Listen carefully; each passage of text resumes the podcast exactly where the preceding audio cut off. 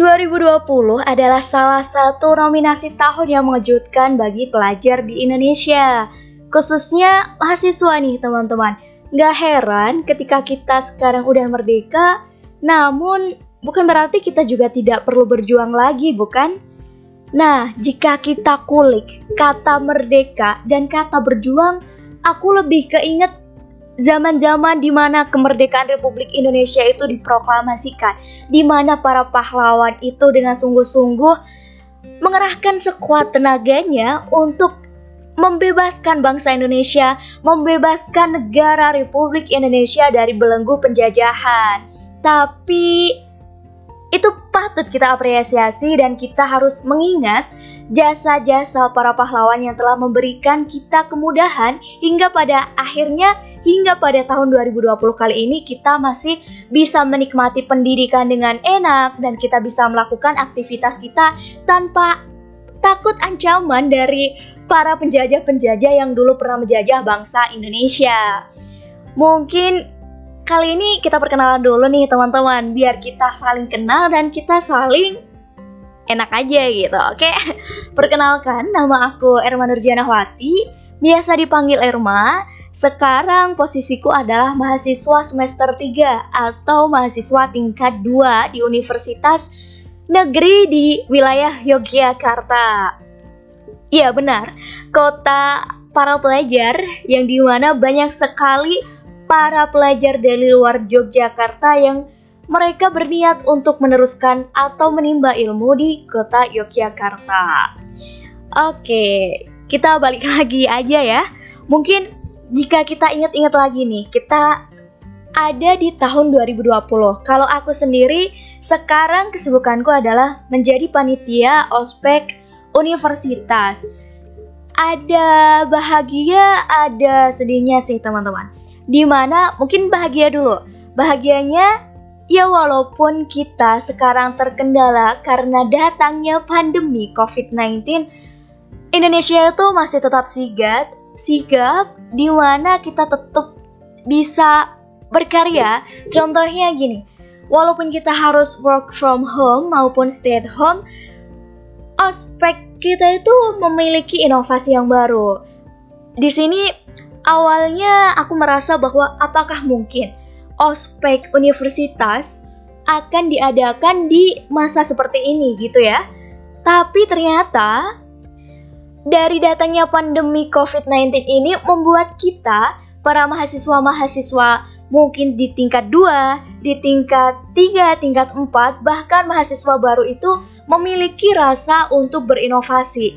Apa sih yang bisa aku lakukan di situasi pandemi seperti ini supaya aku terus produktif seperti itu? Mungkin kalau aku pribadi, jika aku tidak menjadi panitia ospek, aku di rumah pasti bakal ngerasa bosen banget tuh. Di mana dari awalnya mungkin perkuliahan offline, kita bisa bertemu dengan para dosen, bertutur dan bersaparia dengan teman-teman di universitas, di fakultas. Terus sekarang ketika datang pandemi, kita harus merelakan waktu kita untuk terus stay at home selama 24 jam hingga akhirnya berbulan-bulan kita harus tetap berada di rumah untuk mengurangi dan membantu pemerintah dalam menanggulangi penyebaran COVID-19 nih teman-teman. Awalnya ketika aku mendapat surat edaran bahwa universitas mengeluarkan uh, surat pernyataan di mana uh, pembelajaran itu akan dilakukan secara daring, dari saat itu juga aku merasa senang nih. Awal-awalnya kan di mana mahasiswa itu yang namanya libur itu pasti senang banget gitu ya. Tapi nggak berpikir panjang, karena waktu itu mungkin oh oh bisa libur nih bisa belajar dari rumah jadi waktu itu aku langsung uh, langsung pulang ke rumah gitu aku langsung pulang ke rumah dan akhirnya esok harinya benar-benar belajar secara daring secara online Waktu itu benar-benar pertama kalinya aku belajar melalui Google Meet, melalui Webex, dan melalui Zoom untuk pembelajaran bersama dosen. Mungkin awalnya excited banget nih teman-teman. Di mana iya itu pertama kalinya aku harus bela belajar di depan laptop selama seharian gitu ya. dan berbulan-bulan dan itu pun pasti menguras banyak tenaga, pikiran dan otomatis itu lebih menyangkut ke mental sih teman-teman. Kalau aku pribadi karena aku tipe orang yang extrovert, mungkin jika harus belajar seperti itu adalah tipe belajar yang kurang efektif kalau untuk aku pribadi. Tapi dari situ aku berpikiran nih, ternyata belajar itu tidak hanya bisa dilakukan di ruang kelas.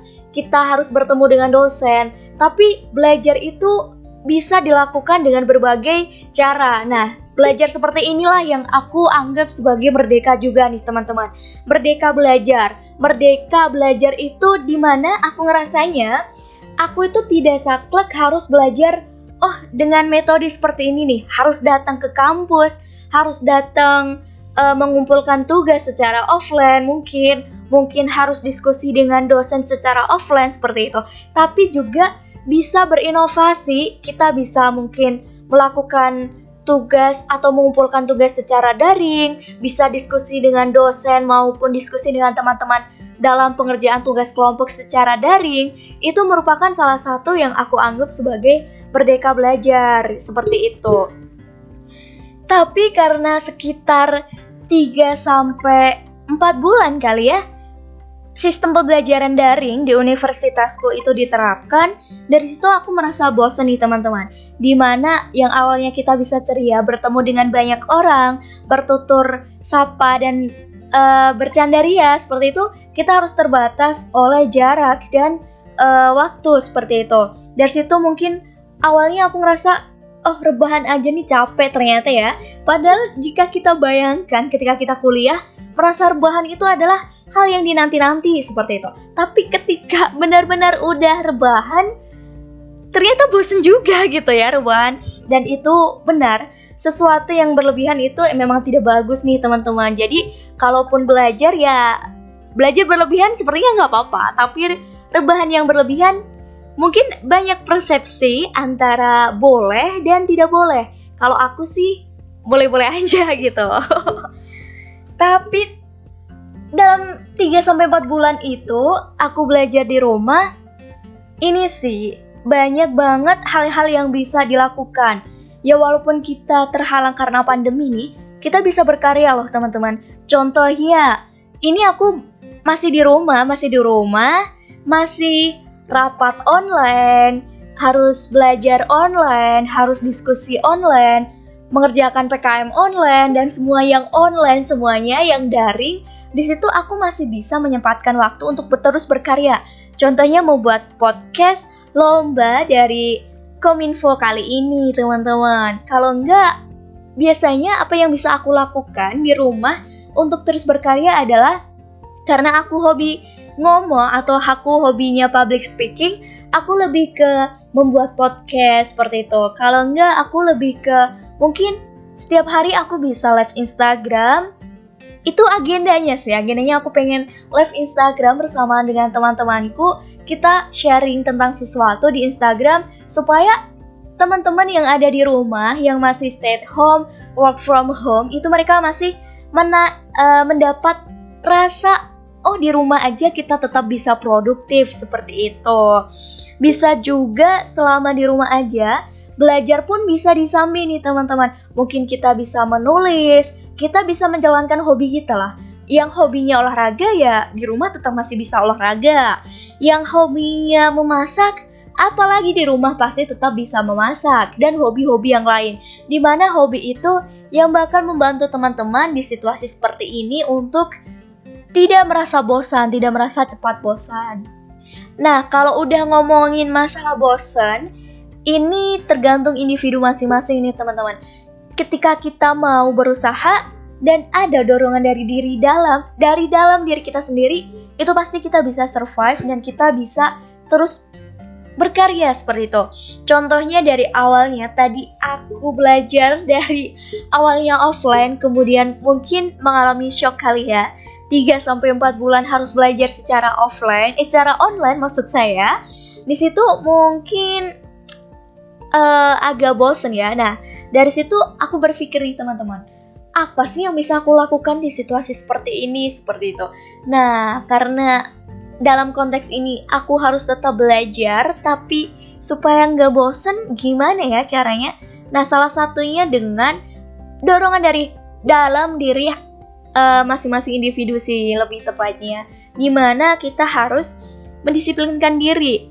Kita itu memiliki memiliki tujuan, kita memiliki goals yang harus kita capai seperti itu.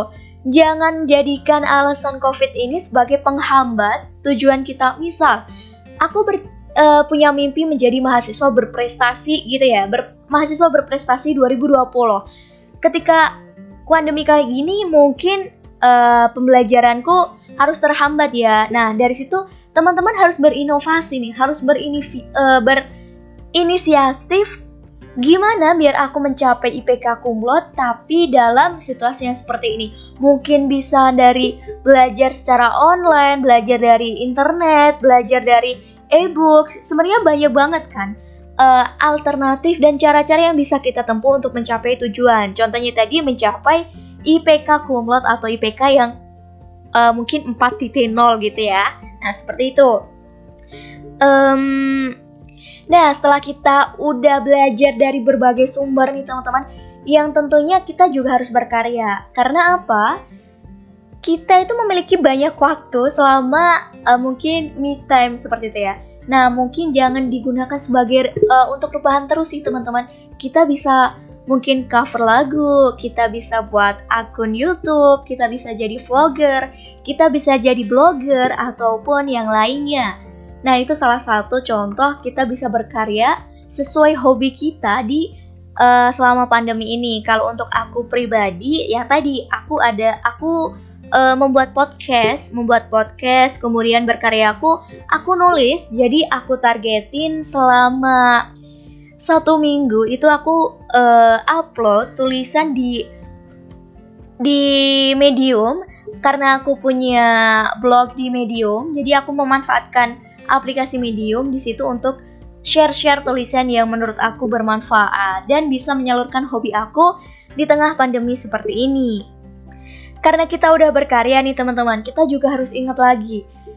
Sekali, dua kali, oke okay lah kita masih bisa berkarya. Tapi ketika udah 3 sampai 4 bulan kita harus tetap berada di rumah, pasti tadi kata bosen itu sering kali bakal muncul.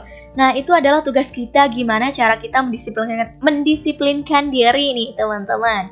Kalau untuk aku, untuk upload tulisan dalam satu kali seminggu, cara aku mendisiplinkan diri adalah dengan cara membuat time management atau lebih tepatnya dibuat aktivitas harian di mana teman-teman gak bakal ngerasa bosen dan lebih ngerasa oh hari ini aku udah mencapai apa aja sih seperti itu.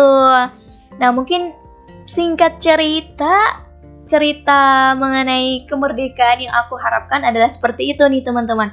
Merdeka di mana kita bisa belajar memulai dari apa pun, dari mana pun, dan dari kapan pun, dan oleh siapa pun. Jadi, merdeka itu milik semua orang, tergantung orang itu mau mendefinisikan merdeka seperti apa. Dan kali ini aku mendefinisikan merdeka versi belajar dari aku nih teman-teman. Mungkin bisa bermanfaat dan terus berkaryalah selama kita masih memiliki waktu dan usia nih teman-teman. Karena kita nggak tahu nih, apakah esok hari kita masih memiliki usia? Nah dari situ salah satu pemantik juga nih buat aku untuk terus berkaya. Jadi untuk masa-masa um, yang masih di pandemi seperti ini, berkreasi di tengah pandemi, kenapa enggak? Sampai jumpa di podcast selanjutnya ya teman-teman. Terima kasih telah menyimak podcast kali ini. Sekian dari saya. Bye-bye, sampai jumpa di podcast selanjutnya.